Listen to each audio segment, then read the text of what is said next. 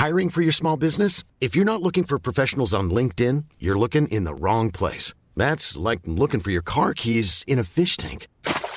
LinkedIn helps you hire professionals you can't find anywhere else, even those who aren't actively searching for a new job but might be open to the perfect role. In a given month, over 70% of LinkedIn users don't even visit other leading job sites. So start looking in the right place. With LinkedIn, you can hire professionals like a professional. Post your free job on linkedin.com slash people today. Hey, it's Ryan Reynolds, and I'm here with Keith, co-star of my upcoming film, If, only in theaters May 17th. Do you want to tell people the big news? All right, I'll do it. Sign up now and you'll get unlimited for $15 a month in six months of Paramount Plus Essential Plan on us. Mintmobile.com slash switch. Upfront payment of $45 equivalent to $15 per month. Unlimited over 40 gigabytes per month. Face lower speeds. Videos at 480p. Active Mint customers by 531.24 get six months of Paramount Plus Essential Plan. Auto renews after six months. Offer ends May 31st, 2024. Separate Paramount Plus registration required. Terms and conditions apply if rated PG. One size fits all seems like a good idea for clothes until you try them on. Same goes for healthcare. That's why United Healthcare offers flexible, budget friendly coverage for medical, vision, dental, and more. Learn more at uh1.com. Vi är denna vecka sponsrade av Indie Beauty. Och Sofie, det här tycker jag är extra fint och extra roligt. Ja men Indie Beauty är ju ett skönhetsvarumärke som jag tror att väldigt många känner till, men det jag älskar mest det är att Indie Beauty liksom vill vara mer än bara produkter, vilket de ju också är. Exakt. Indie Beauty står ju för Independent Beauty, skönhet på dina villkor och för din egen skull. Och Indie Beauty tror ju stenhårt på ett alternativt skönhetsideal fritt från måsten, skam och känslor av otillräcklighet. Där är jag helt med Indie Beauty. Jag med. Det är så jag vill att skönhet ska vara. Ja men verkligen. Och vet du vad som är nytt för i år Sofie? Berätta. Från och med i år så skänker Indie Beauty 1% av sin försäljning till Suicide Zero, Tjejzonen och Djurens Rätt. Så när man handlar produkter från Indie Beauty så kan man liksom känna att man också ger tillbaka till samhället. Ja, kraften i tillsammans. Ska jag säga en sak nu då, Mm. som jag, det, men det är detta jag är extra glad över. Nu har Indie Beauty tagit fram en keps och den tycker jag ändå så på sommaren, skydda sig från solen. Jättebra, jag älskar kepsen. Men det bästa, de bidrar till Suicide Zeros viktiga arbete för att minska antalet självmord och självmordsförsök. Så för varje såld keps så går hela vinsten, 100 kronor, direkt till Suicide Zero. Då kan man liksom göra nytta både för samhället och sin hud på en och samma gång. Ja, och kepsen kostar 169 men alltså hela vinsten går då som sagt till Suicide Zero. Så om man vill göra skillnad när man är där ute i solen, nu när den börjar titta fram, då ska man välja den här kepsen. Den säljs exklusivt på indiebeauty.se och på Apotea. Tillsammans kan vi skapa en ljusare framtid. Vi ses med kepsarna på! Tack Indie Beauty. Hej allihopa! Innan vi drar igång veckans avsnitt 230 så har vi ju ett litet meddelande till er. Vi har just nu en insamling tillsammans med Hjärnfonden för att samla in pengar till forskningen på ångest och psykisk ohälsa. Och den här insamlingen pågår till den 2 juli. I talande stund har vi samlat in 35 836 kronor och vårt mål är 40 000. Så vi börjar verkligen närma oss målet. Och det här är jättemycket pengar såklart. Vi är så tacksamma till alla er som har skänkt. Ja, såklart är det jättemycket pengar. Men vårt mål är 40 000 kronor. Det innebär att det nästan bara är 4 000 kvar. Snälla, snälla du som lyssnar på det här.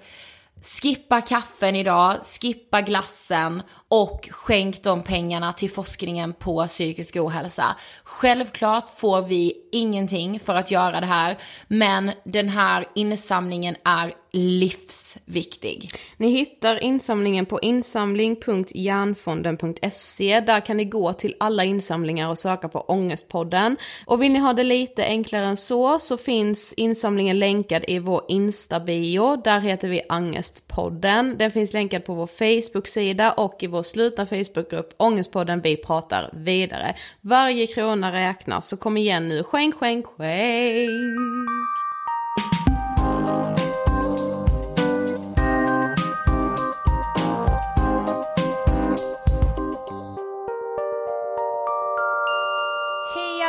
Allihopa! och varmt välkomna till avsnitt 230 av Ångestpodden! Woohoo! Den enda bra podden i Sverige. Yes.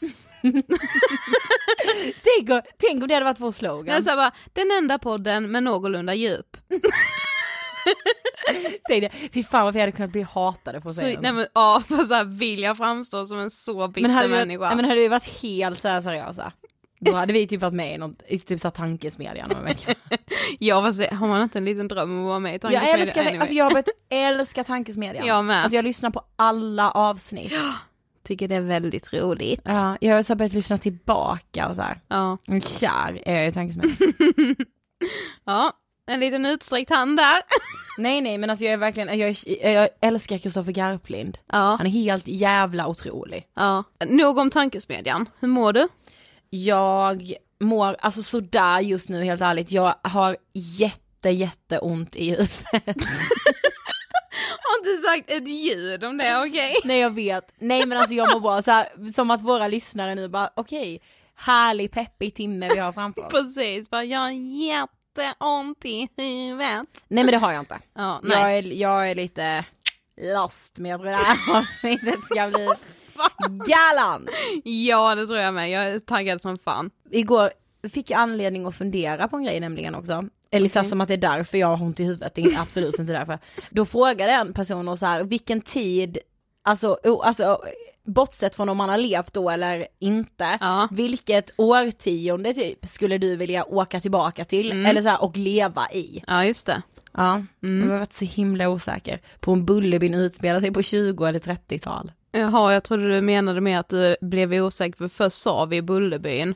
Och sen bara insåg jag att nej, lite senare skulle jag vilja typ. 70-tal. Ja, jag skulle vilja ha fötts på 50. Där är jag. Skulle vilja ha fötts på 60. Skulle vilja ha fötts så var 60 så att jag var 15, 75. Ja, men eh, så inte Bullerbyn då. Men det är det jag ska, jag gör faktiskt en så här liten grej och kollar. En liten grej, du googlar! Väldigt roligt att så här, Du bara, ehm, jag gör en liten grej nu faktiskt, så kolla nej nej, upp. eller liksom så här, som att jag gör så här. ja det finns ett litet nytt fenomen. Har du hört talas om det här? Väldigt kul. Bullerbyn utspelar sig i Småland år 1928. Ja, då har vi Före det. andra världskriget alltså. Ja. Jo men jag skulle nog vilja åka tillbaka dit. Bortsett från att jag hade blivit agad då ju som barn. Ja, precis. Men det hade jag nog bara tuggat i mig. och, och kvinnosynen och så, det var... Ja, den var ju fruktansvärd. Ja. Mm.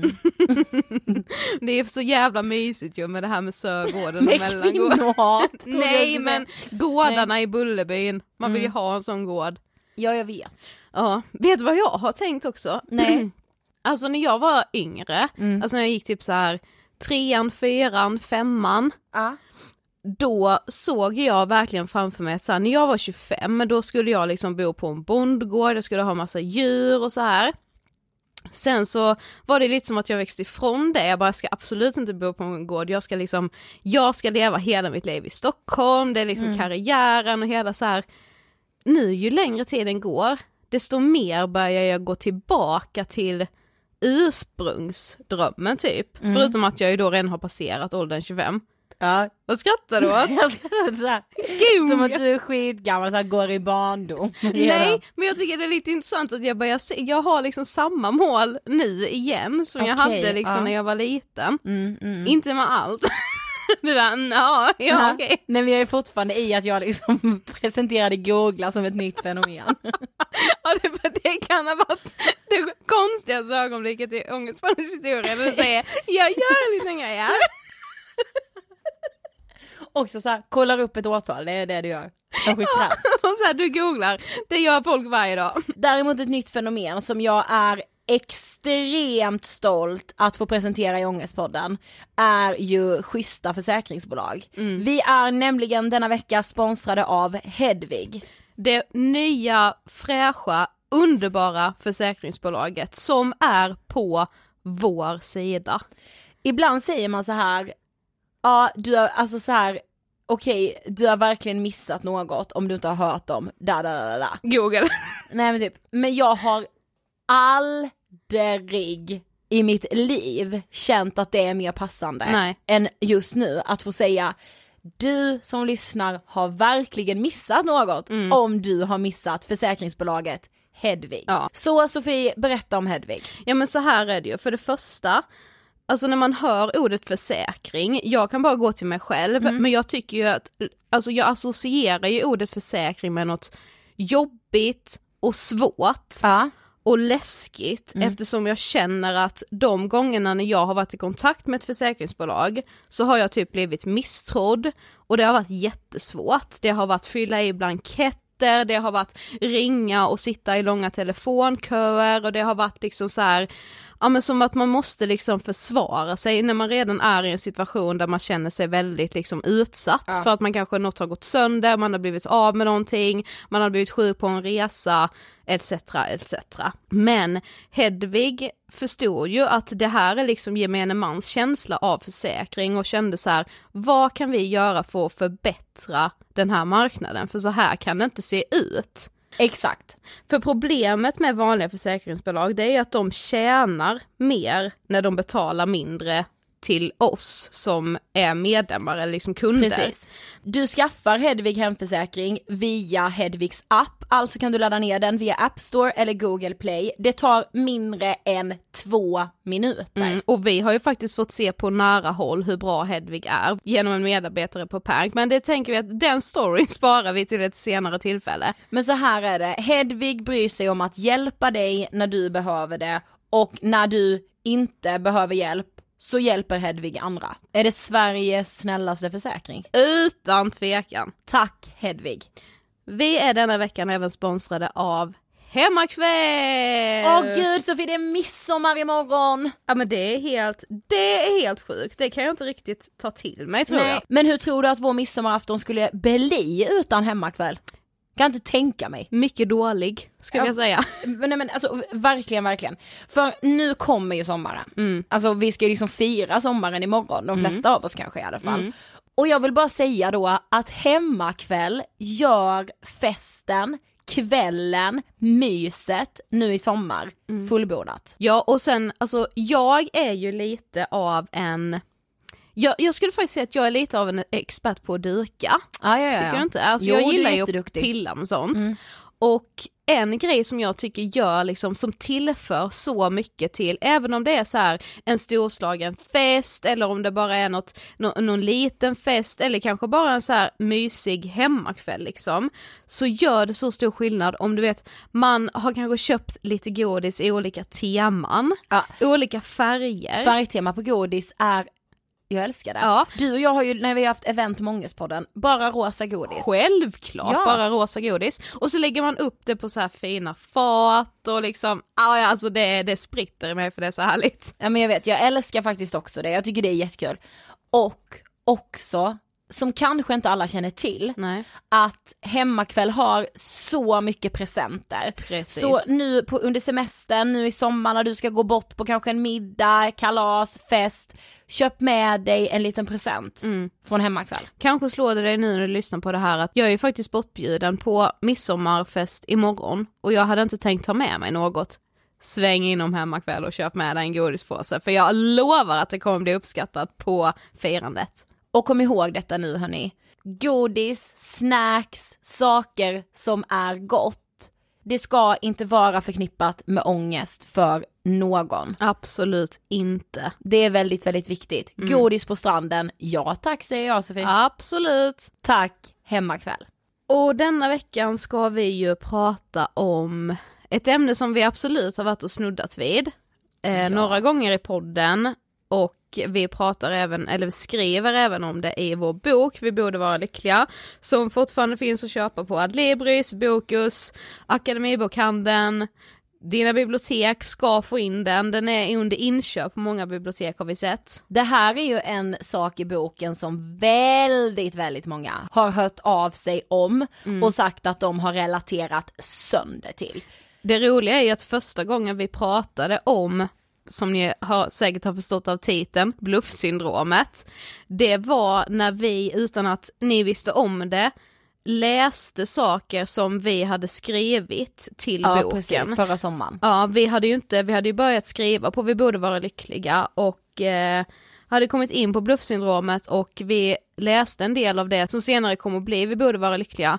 Eh, men då ville vi ju testa liksom och se bara hur reagerar våra lyssnare, är det här någonting de vill veta mer om? Och efter att vi hade släppt det avsnittet så var det också så många som bara Wow, det ni läste om liksom, eller det ni pratade om där, ni måste prata mer om det. Och det var ju en lättnad för oss. Men exakt, så känslan av att vara en bluff, men vi kanske ändå så här bluffsyndromet, jag tror många har hört det. För jag ska bara läsa.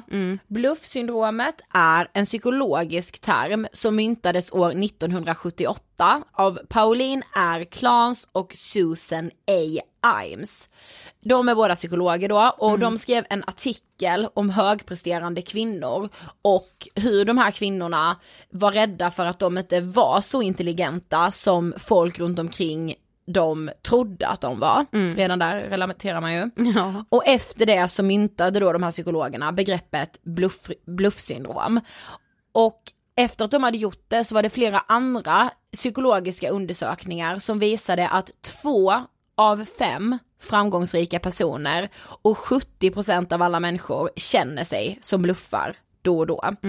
Eh, och så här, bluffsyndromet är alltså inte en psykisk diagnos och innan har många trott att det är liksom ett inarbetat personlighetsdrag. Men psykologer har kommit fram till att bluffsyndromet är en reaktion på vissa situationer eller så här, vissa sammanhang som alla hamnar i ibland. Mm. Och så här att alla upplever ju det i olika liksom utsträckning. Ja, men verkligen. Och att aldrig uppleva bluffsyndromet, det är inte heller, alltså det är inte normalt, alltså Nej. det normala är att någon gång känna det. Men sen ska man ju som mig inte ha så mycket känsla av att vara en bluff som jag har. Jag har ju verkligen problem med det, alltså Men när känner du att du är en bluff då? Det har jag insett att det kan jag göra i så många mer sammanhang än bara liksom i karriären eller mitt yrke. När du googlar bluffsyndromet ska också sägas att många kanske inte har hört ordet bluffsyndrom men man har hört imposter syndrome för det är det Aha. engelska liksom uttrycket för bluffsyndromet och ja Många har hört det men inte just bluffsyndromet. Men när man googlar det i alla fall så kommer det ju nästan bara upp träffar på liksom, ja men så här, tror du att det är, du är en bluff på arbetsplatsen? Man ser att det är väldigt vanligt som du sa här nu som vi skriver i boken att det är väldigt vanligt bland liksom chefer. Exakt. Men när jag har funderat inför det här avsnittet så inser jag ju att jag kan ju ha det i alla sammanhang. Ja, ja, ja. Alltså absolut inte bara i liksom jobbrelaterat. Sen är det ju där det gör sig påmint oftast. Precis. För att det är där jag befinner mig mest. Alltså jag lever ju på något sätt med det jag har skapat hela tiden och är på något sätt liksom ansiktet utåt för mitt eget varumärke ju. Men grejen, alltså för mig, jag bara tänkte nu liksom när vi slogs ner här i eftermiddag, jag bara när hade, kände jag senast att jag var en bluff, bara just det några timmar sedan på ett möte med en, eh, kanske en samarbetspartner. Ja. Jag bara, jag är en bluff. Mm. Alltså jag satt där och kände så här, jag bara, nej men alltså, när kommer de på mig? Mm. Om att säga det här är skit. Mm.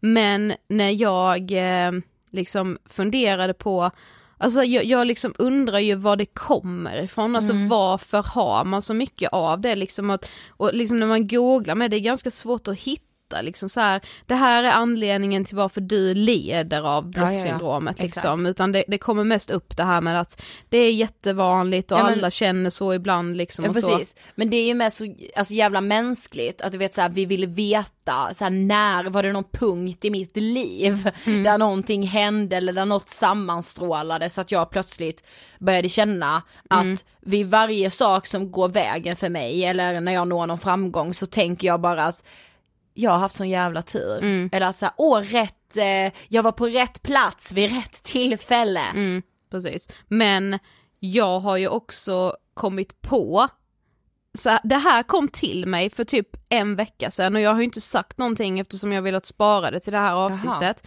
Men jag har två tillfällen där jag känner själv att jag har blivit ertappad, alltså där någon har kommit på mig.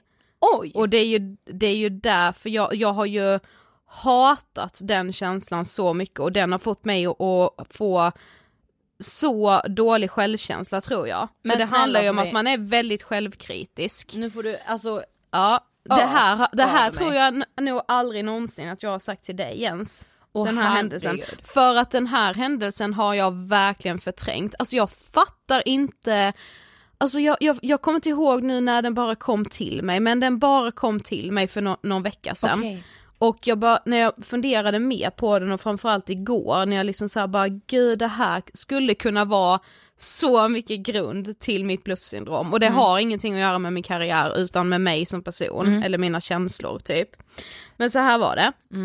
När jag gick i, jag tror det var i sexan, antingen i femman eller sexan, det Ja. var på mellanstadiet i alla fall. Eh, så då var det ju liksom MSN man höll på med. Ja. Eh, och då började jag chatta med en kille som gick på min skola, eh, som gick i en annan klass, han gick inte i min klass men på min skola. Eh, och vi började chatta liksom. Vad sa du, vilken klass var det? Ja, femman eller sexan, Femman eller det var på mellanstadiet. Ja, mellanstadiet. Mm. Ja. Jag Och måste liksom- bara tänka mig in liksom vad, Ja. vilken ålder. Ja. Man chattade ju med många liksom, alltså det var ju inget så till en början liksom, man hade ju chattar igång hela tiden där liksom, det var ju det bästa man visste. ja, det var så underbart. Bara ja. hålla på och chatta, chatta, chatta. Men i alla fall, ehm, ja då var det en person och vi började chatta och det blev liksom mer och mer. Ehm, så jag började liksom ändå säga bara gud vad är det här liksom för intressant typ. Vi började prata i alla fall, chatta typ varje dag. Eh, I skolan, det var ju inte så, man kunde ju chatta och ha ganska flöttiga chatter men aldrig prata med någon i skolan. Det var ju Men det som var gud. så spännande. Nej, man bara Sofie. sneglade lite Ja, på här, varandra. vadå, alltså när jag var tillsammans med, med så här, som, han skulle jag absolut inte säga att vi var tillsammans. Tror jag inte, men jag räknar honom som min första relation. Eh, det kanske man inte ska göra, jag vet inte. Vi, jag gick i nian i alla fall. Och det var så att vi bara hej hej, Ja. vi i skolan, man bara va? Ni är tillsammans, ni hånglade typ Ni ditt säger att ni är tillsammans. Ja men sen ni hånglade i ditt rum igår kväll. Ja. Alltså förstår du att vi ändå bara hej hej i skolan som såhär, va? Är det ljuva jävla tider. Ja. Ja men ja. Anyway, eh, vi kommer till en punkt då i det här chattandet när vi liksom ska ta det ett steg längre då. Så den här personen som även spelade fotboll, jag kan ju säga det här för att jag pekar ju inte ut någon för det var all, för fan varenda jävla kille spelade i fotboll när vi gick i mellanstadiet. Men i alla fall, de skulle spela match och han bara, men kan inte du komma och titta på matchen? Jag bara, men gud, ja jo det kan jag göra liksom. Så jag då eh, berättar då för en av mina kompisar att så här, bara gud jag har chattat jättemycket med den här killen och nu vill han att jag ska komma och kolla på hans match. Så vi kommer ju typ bli ihop. Alltså för det var ju det, det Ja. så man var liksom, chattar man mycket så kommer man bli ihop. Ja men alltså man gick i femman, sexan, hallå. Ja, och jag, jag- blev tillsammans när jag chattade med någon en gång. Precis, alltså, Ja. och så kan jag ju faktiskt vara fortfarande att jag är väldigt många steg före den andra, alltså jag kan ju liksom inte höra kyrkklockorna ringa men jag kan ju börja fantisera om ett liv tillsammans med någon som jag inte ens känner för att Mm. jag tycker om att fantisera, jag är verkligen en dagdrömmare ju. Mm. Eh, men i alla fall, eh, så jag, jag liksom berättar allting för min kompis då bara du måste följa med mig dit liksom, jag kan ju inte gå och sätta mig på den här fotbollsmatchen helt själv. Eh, men vi kommer ju typ bli ihop, alltså jag känner Ja, det liksom. du- Han ja. är kär i mig och jag är kär i honom typ.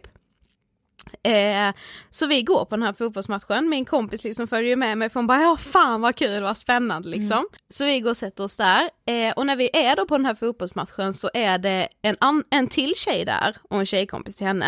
Så vi inte känner så jätteväl, vi säger hej hej liksom men det är inget mer med det. Okej. Men hon är också där och vi bara "Ah, undrar vilken hon är här och tittar på.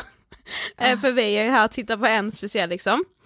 Eh, vi går hem från fotbollsmatchen och eh, vi är hemma då hos min kompis och jag sitter och chattar med den här killen eh, efter deras fotbollsmatch. Åh gud vad duktig det var, vad kul det var så här. Hela den här eftermiddagen och kvällen hemma hos min kompis går liksom ut på att chatta med den här killen. Så jag, Ja. hon måste ju ha haft världens tråkigaste kväll. Ja, ja. Men du är som kompis stöttade hon mig i detta. Ja men man gjorde lite det, alltså det blev ju som att man, det var det så här projekt. Alltså Precis, man, man bara, nu ska chattade. ni bli ihop. Man kunde vara fyra pers som chattade med en, En kille. person, Fast det, alltså, bara en av liksom Det var ju bara jag som fick ut någonting av det här Ja fast ändå ju. var man intresserad. Ja, ja, jag Ja. Så hon satt där tålmodigt liksom och lyssnade på mitt jävla kärleksprat eller vad det nu kan ha varit, jag, jag kommer inte ihåg helt och hållet. Eh, det går några dagar och sen så när jag loggar in på MSN efter en skoldag så ser jag att den här killen som jag har verkligen sett framför mig hur jag ska typ bli ihop med, Mm. har skrivit ett tjejnamn på sin MSN. Och då är det den andra tjejen som var på fotbollsmatchen. Eh, och jag bara, jaha? Alltså vet, det var... Alltså om jag bara går tillbaka till den känslan, man skulle ju kunna vara med om det här idag också fast Ja. på lite andra premisser eftersom idag chattar man inte på MSN liksom. Nej. Men det var så, alltså jag kände mig, jag har aldrig varit så mycket till åtlöje Nej, alltså du, fy fan. i hela mitt liv. Eh, och Alltså du vet det var den här raskänslan inombords. ja, och jag skämdes ju liksom. Precis. Alltså dels gentemot min kompis som hade varit jättesnäll och följt med på den här fotbollsmatchen. Jag hade sagt till henne typ att åh men den här killen är intresserad av mig och bla bla bla, vi kommer bli ihop och hela den grejen. Eh, och sen också blev jag ju så jävla arg på mig själv för jag bara, vad fan trodde du Sofie? Alltså trodde du på riktigt att han skulle vilja vara med dig?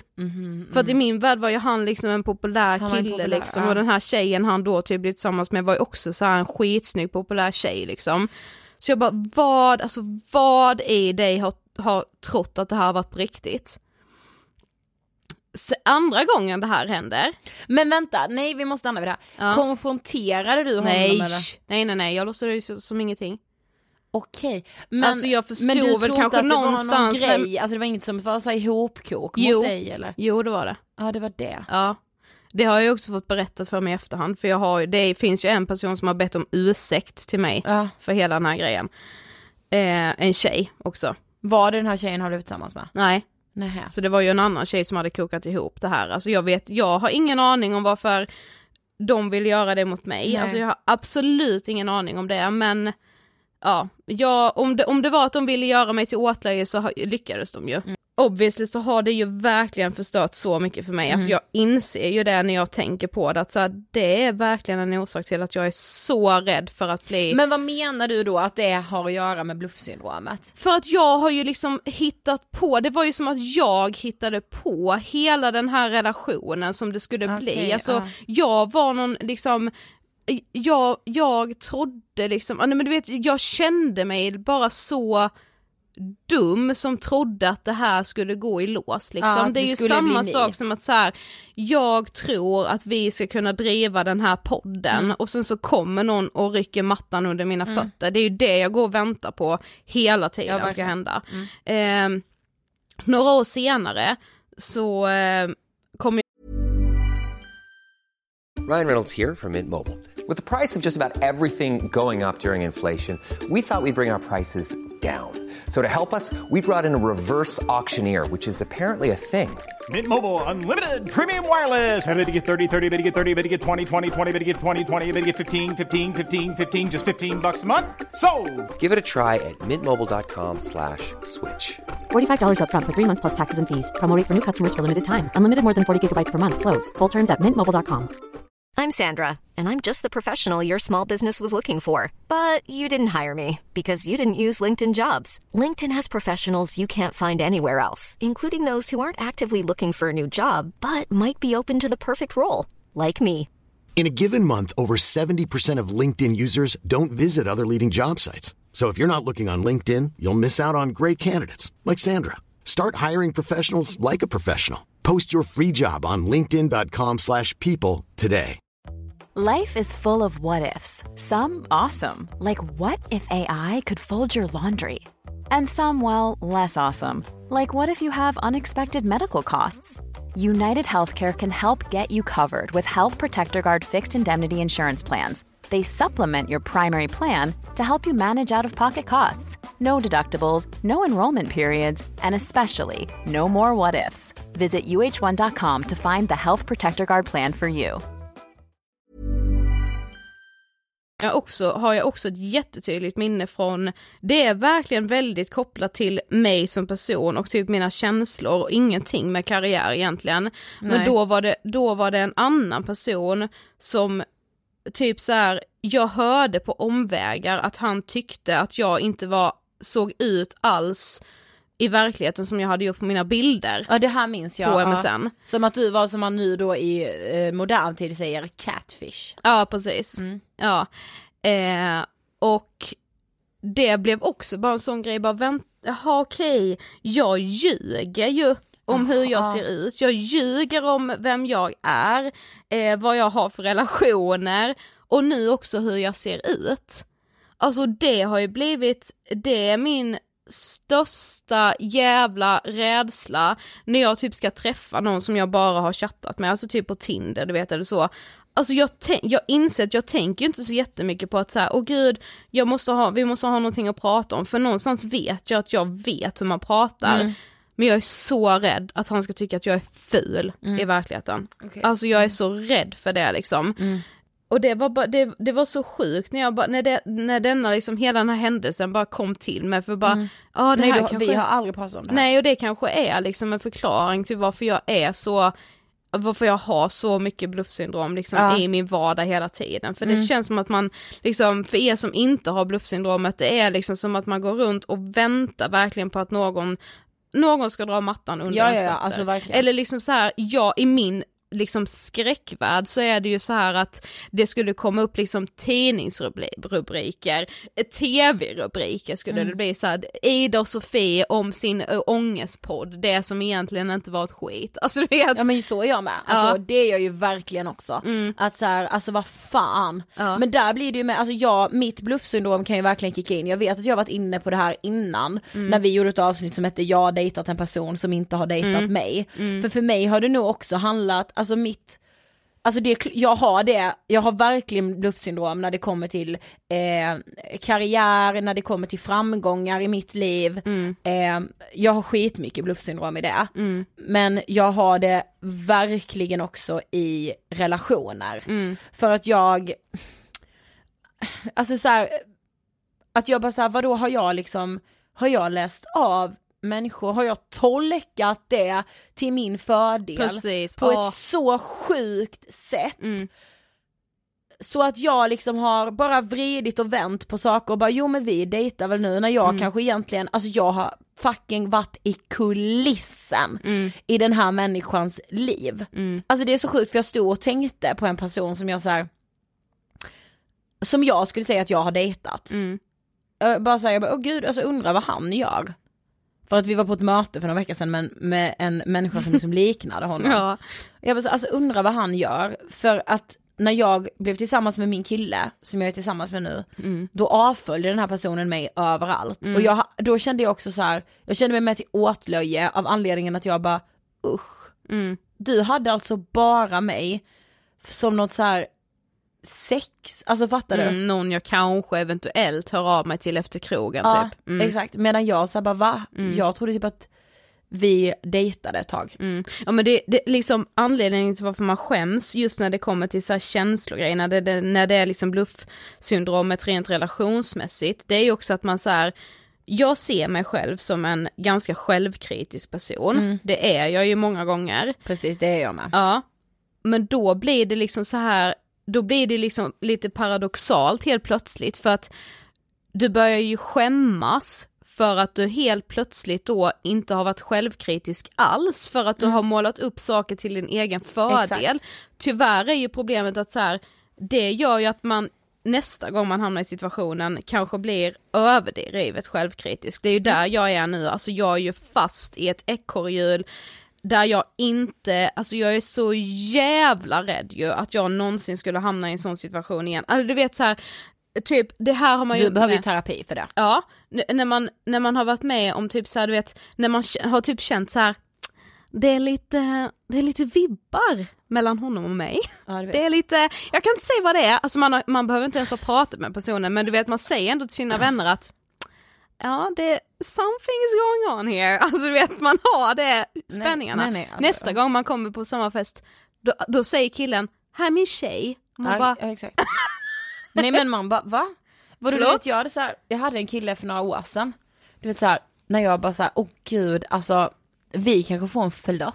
Ja. Det var absolut inte så att jag var intresserad av att säga, vi ska bygga någon relation, nej nej, utan bara så här, vi kanske ska få en flört. det kan vara lite härligt med en liten Fan flört. vad härligt, Ja. och jag bara tyckte gud han är så jävla flörtig mot mig. Ja. och jag hånglar upp honom. Men, men du vet såhär, jag bara oj oj oj, nu tog jag liksom ett steg. Ja. Nu vågade jag vara den Ja men verkligen, och vi flöttar på, flöttar på liksom, händer verkligen ingenting mer ska sägas. Nej. Eh, chatta lite efter det här. Jag kommer, vi hamnar på samma fest typ tre veckor senare. Alltså då sitter han ihop med en tjej. Men ska ändå flötta lite bakom min rygg. Tills då den här, han och den här tjejen sitter och typ så här håller handen. Ja. Och han sa, jag bara, nej men då kände jag mig, jag bara, är jag dum i huvudet? Eller är han dum i huvudet? Precis. Alltså, Det men det han- jag tänker, men alltså ja, alltså exakt. Det handlar ju egentligen om att, så här, alltså att hamna i den situationen som jag gjorde där i mellanstadiet. De hade ju typ paktat ihop sig mot mig, alltså de var ju verkligen elaka Ja. mot mig. Det är liksom den här personen som bad om ursäkt hen sa ju att bara jag har haft dåligt samvete för det vi gjorde mot dig i så många år liksom. Det sjuka är ju bara att så här, de fattar, kan, kommer ju aldrig fatta, jag kommer ju förmodligen inte heller förstå hur det ärrade mig Nej. alltså i mina övriga strukturer hur jag liksom beter mig i vissa sammanhang liksom. Man kan bli så ärrad av småsaker om man liksom inte typ tar tag i det. Jag vet ju att jag måste gå i terapi för det här, för mitt bluessyndrom. Ja men alltså verkligen, och kan, alltså kan det också, alltså så här, det är klart att, alltså, att man liksom gör så här, det, det kan ha att göra med att eh, saker som har hänt och det kan, alltså det har ju verkligen en, stark koppling. Det kan också ha en stark koppling till liksom ens dåliga självkänsla, att man är väldigt självkritisk.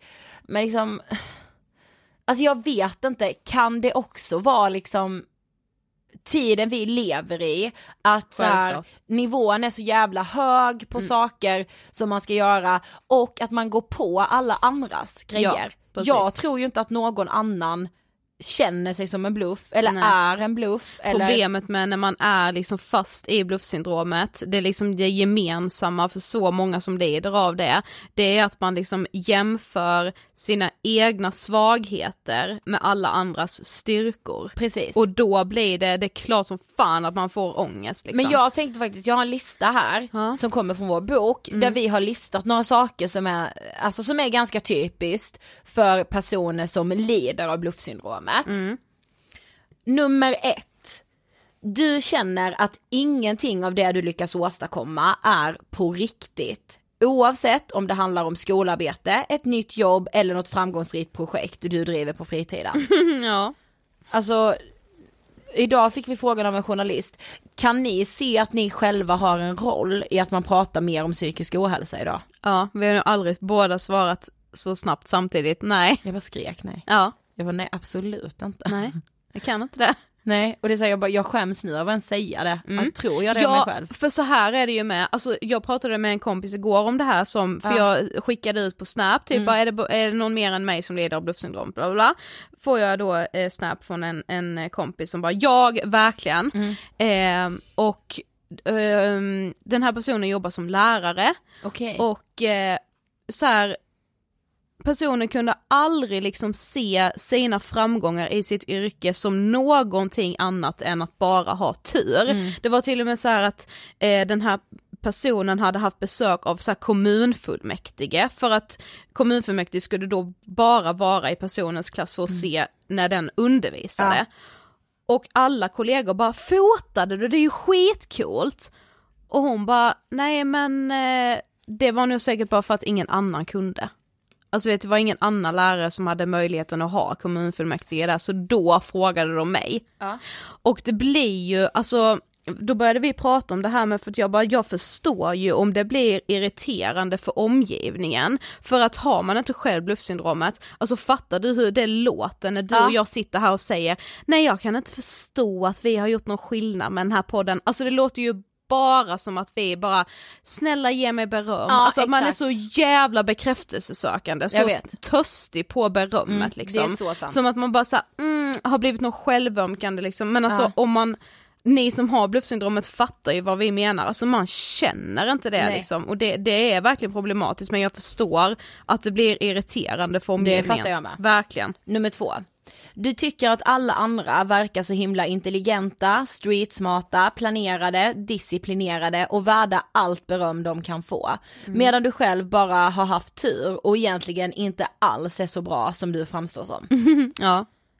Alltså jag känner det här, det räcker fan med att scrolla mitt instagramflöde. Mm. Gud den är så street smart och den har gjort så rätt och den gör det. Mm. Alltså, och så känner jag bara så själv, jag bara så här, jag kan ju känna jag bara jag lurar ju er. Mm. Jag har lurat den här journalisten som intervjuar mig, jag har lurat gästerna som är här, jag har lurat Nej men så här, jag kan ju tänka att alltså, den här journalisten ska inte ens sitta här och intervjua oss för vi är inga, alltså för vi är inte intressanta. Vad är det att intervjua? Nummer tre. Du tänker att någon när som helst kommer att komma på dig och då skrika ut till hela världen vilken dålig människa du är, som ljugit om vem du är och vad du gör. Att du är fake och att ingen kommer lita på eller tycka om dig någonsin igen. Alltså det var så intressant för jag tittade på ett TED-talk om just Ah, imposter syndrome. syndrome. Ja. Och då var det en som pratade som heter, det är han en jättekänd entreprenör, som heter Mike Cannon Brooks. Eh, 2019 nu då så har han då en förmögenhet på ungefär 8,5 miljarder dollar. Så det är liksom en väldigt lyckad IT-entreprenör. Ja. Eh, han hade som mål när han och en kompis startade ett företag då att så här, vårt mål är att vi ska inte ha ett riktigt jobb, det här 9 till 5 jobbet och vi ska inte behöva ha kostym varje dag. Det var liksom check på båda för han stod där på TED-taket i en jävla luvtröja och liksom slafsiga jeans typ. Eh, och det gick liksom skitbra för dem väldigt snabbt. De jobbar med någon sån här mjukvara för datorer, alltså vet, det var ju så invecklat, jag förstod ingenting. Nej nej, ja. Ehm, och de växte väldigt snabbt och blev därmed nominerade till väldigt mycket tävlingar, Okej. vilket vi också blev i början.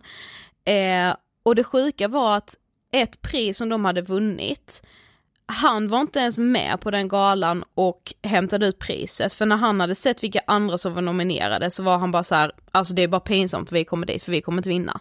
Och så vinner de hela skiten. Åh, Då förstår man liksom starkt och han bara, jag, han är liksom så förmögen, har liksom, jag, jag tror de hade nu typ mer än tusen anställda, de är liksom jättestora och ett känt företag. Ändå så tänker han nästan varje dag när han är på väg till jobbet så undrar han själv vad det är han håller på med. Alltså han bara, jag kan inte säga vad det är jag sysslar med. Jag är helt, alltså, så starkt är liksom bluffsyndromet. Okej, nummer fyra då. Du är extremt dålig på att ta kritik. Eftersom din största rädsla är att bli påkommen så blir minsta lilla kritik ett första tecken på att någon är dig på spåren. Fan, nu händer det. Nu spricker snart bubblan, tänker du. Kritiken blir också ett bevis på att du är lika värdelös och dålig som din inre kritiker säger till dig varje dag. Och det gör dig arg och ledsen. Mm, alltså exakt så här är det ju. Grejen är att, för jag tänkte med på det, bara, men så här, egentligen Sofie, hur rädd är du för att misslyckas? Alltså Ja. vad är ett misslyckande för mig? Vad betyder det liksom? Precis. Och jag har ju ändå kommit så pass långt i min personliga resa. Mm. Nej men så här, för mig är inte misslyckande en så stor grej. Nej. Jag, jag misslyckas gärna med saker där jag känner så här, jag försökte och jag vågade testa, nu gick inte det liksom min rädsla ligger liksom inte i själva misslyckandet. Min rädsla ligger ju i att det är någon annan som ska komma på mig och då liksom skrika ut i hela världen. Om jag gör ett misslyckande och själv får säga vet ni vad det här gick inte så jävla bra. Ja, exakt. Då är det liksom ingen big Nej. deal. Men det är som att jag går runt och liksom hela tiden för, försöker hålla det här då, den här lögnen som Mm. det egentligen inte är men som det känns som, att hålla den flytande liksom. Precis. Jag kan ju Så inte det lämna det här nu för nu har jag ju drivit det här projektet så jävla länge så ska jag nu då helt bara plötsligt klara mig naken och bara nej det här är fake. Det kan jag ju inte heller säga för det är ju inte det. Nej men så här, vad fan, jag betalar ju mina hyror Ja. och det finns ju personer som lyssnar på det, det här rullar nu. ju det här skeppet Ja. men ändå liksom så är känslan Och, så är inte te- densamma. ja, och jag kan tänka så här bara, men bara vi, bara man får så många anställda, bara jag tjänat det här, bara så här många följer mig. Det bara var, jag, så, ja, det var med så sjukt när jag pratade med den här kompisen för då började vi med prata om så här, det är mycket kopplat liksom just till karriär och pengar och så. Och det är så jävla sjukt, jag blir så, jag kan bli så arg på mig själv. Och det handlar egentligen inte bara, där är, tror jag att jag är jättepåverkad av sociala medier, men så här, får man själv en löneförhöjning, då säger man liksom inte så här, fan vad grym jag är, nu har vi tjänat ännu mer pengar liksom, eller gud nu har jag presterat så att min chef tycker att jag är värd liksom ännu några tusenlappar i månaden. Okej, mm. Man, det är inte den känslan man känner utan Nej. mer så här, Pju, nu kan jag fortsätta leva samma livsstil som de andra på Instagram. Alltså du vet Ah. typ så att man bara liksom, det är mer bara som att man checkar av en bock liksom på en Exakt. to-do-list. Mer Ja, än att man bara inte- säger yes, fan vad grym jag, Jag vet, är liksom. jag vet. Det är så, det är så äckligt ju. Ja, sista punkten, nummer Ja. fem. Mycket av din energi går åt till inre stress och rädsla för att misslyckas. Mm. Men det man ska säga med är ju så här, det är ju inte så många, alltså många som lider av bluffsyndromet vet ju inte heller att de gör det. Alltså Nej. man, går- man säger inte så ja ah, jag tror att jag är en bluff, men när man får bluffsyndromet berättat för sig så är man så här, Det är världens största ja, aha-upplevelse." precis så här Ja. är det liksom. Mm. Det, så var det ju verkligen för mig. Mm. Jag bara, vad fan jag bockar av varenda av de här. Och när man sen då kan liksom tänka efter hur man liksom beter sig eller vad man säger, alltså jag har aldrig förstått varför jag är så sjukt dålig på att ta, dels på att ta kritik, men också Mm. det gör den här uteblivna bekräftelsen. Hur, varför det påverkar mig så mycket? Jo för att det är ju att jag är så rädd, och nu, nu ligger det och puttrar här någonstans, nu kommer snart avslöjandet liksom. Det, alltså jag, jag kommer ihåg typ så här, jag kommer ihåg när vi gjorde en collab med Lillelördag. Aha, Då ja. pratade vi, jag vet inte Anna och Anita. Ja, jag minns inte helt liksom hur samtalet hamnade där, men jag minns att jag då sa att jag tror ju att ett poddavsnitt är dåligt så länge ingen säger att det är bra. Ja exakt. Alltså då utgår jag från att alla tycker att, Att det det- suger. alla tycker det suger. Och de bara, men herregud, så kan ni Ja. inte tänka liksom. Jag bara, det är bara så min känsla är, alltså Ja. det är så det känns. Men då blir det med att man tolkar vissa saker som kritik som inte ens är det. Precis. Tystnad exempelvis. Ja, tystnad är verkligen kritik. Eller tystnad är, antingen är det kritik eller är det okej, den personen vill inte ha någonting med mig att göra, Ja, jag är fel på något sätt, Mm. jag dög inte, jag var kanske för ful, alltså du vet. Men alltså fatta att skitmånga av USAs presidenter Mm. har uppgett att så här, jag väntar på att någon ska komma på att jag är fake. Ja, jag vet. Det är och så man bara, sjukt. men du är typ den en av de mäktigaste i världen då. Ja. Ja, och den här mannen som eh, hade det här Ja. företaget. Alltså det är så, ja, alltså jag vet liksom inte, jag vet liksom inte helt och hållet hur man ska komma ifrån det. På ett sätt kan jag tänka att liksom lite bluffsyndrom är ju Sunt. Nyttigt ja. Och alltså det man ska komma ihåg, alltså det sägs liksom att alla någon gång i sitt liv Mm. lider av bluffsyndromet eller så känner av det på något vis. Så man är ju fan inte ensam i det här liksom. Absolut inte. Nej. Eh, och jag tror liksom att ett jätteviktigt steg i processen att förstå sig själv om man nu lider av bluffsyndromet, det är just att veta att man gör det. Att man Ja, liksom exakt. ser dem så här. Okej nu tolkar jag det här som något negativt, den här tystnaden, men vänta lite nu, är den liksom inte mitt bluffsyndrom som kickar in? Eller så här, nej, eh, jag kan inte prata om mig själv och det jag har åstadkommit på det här sättet för det är inte riktigt. Ja, vem säger det? Ja, typ mitt bluffsyndrom. Alltså, det är ju som all annan ångest att liksom ens tankar är ju inte verkligheten. Nej och också, nej men jag tror att Alltså man får acceptera det, nu kommer Mm. vi med acceptansen igen, men också så här, alltså om man känner att det verkligen sätter käppar i hjulet som du sa innan, så här, jag I relationer gör det verkligen Ja, jag är fast i det här ekorrhjulet, eller så här, då kan det ju skapa liksom ångest, oro, stark stress, då ska man ju såklart söka hjälp. Mm, alltså Liksom. verkligen, Ja. verkligen. Vi kom kanske liksom inte med jättekonkreta råd här men eh, Men man behöver väl inte det alltid? nej och jag känner verkligen, alltså om jag bara ska prata för mig själv så har jag liksom inte, jag har inte kommit längre i mitt eget bluffsyndrom. Och vi har ju ändå sagt att vi måste kunna prata om saker i Ångestpodden även när man är i det. Det är det som är så viktigt. Ja, och jag är verkligen i det nu. Är det någon som lyssnar på det här som själv liksom lider eller har lidit av bluffsyndromet och liksom har kommit på lite sätt eller Ja, fått liksom verktyg för hur man ska tänka för att bli av med det eller liksom kunna hantera det i alla fall. Så skriv. Ja snälla, snälla skriv. Så vi kan dela det också på vår Instagram, Ja. Eller så kan man diskutera det i vår Facebookgrupp, Ångestpodden, vi pratar vidare. Yes. För alltså, jag, jag, det kan jag med känna att så här, jag behöver fan verktyg i det här. Det jag kan ju inte gå från varje möte och tycka att jag liksom är, att jag, att jag är rädd att de ska komma på, att de i vändande mail ska svara du är fake. Ja, och jag ska, ska jag leva ensam för resten av mitt liv för att någon jävla idiot skulle liksom göra något taskigt mot mig på mellanstadiet, det går Mm, ju inte. Det går inte. Jag måste ju våga släppa taget om det minnet på något sätt, det har Ska ju du legat i mig. gå- Börja i terapi Jo, då? jag får faktiskt göra det. Ja, det, alltså det, jag tror det, jag tror fan det krävs nu Sofie. Mm. Ja, jag får göra det.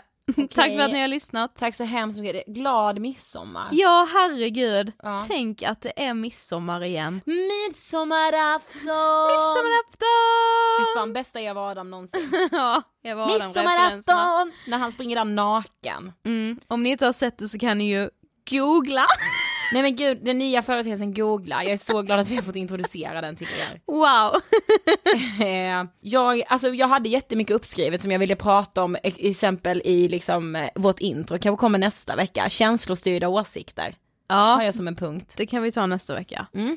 Ha det så jättebra nu. Eh, ta hand om er på midsommar. Var försiktiga, Yes. ta hand om er.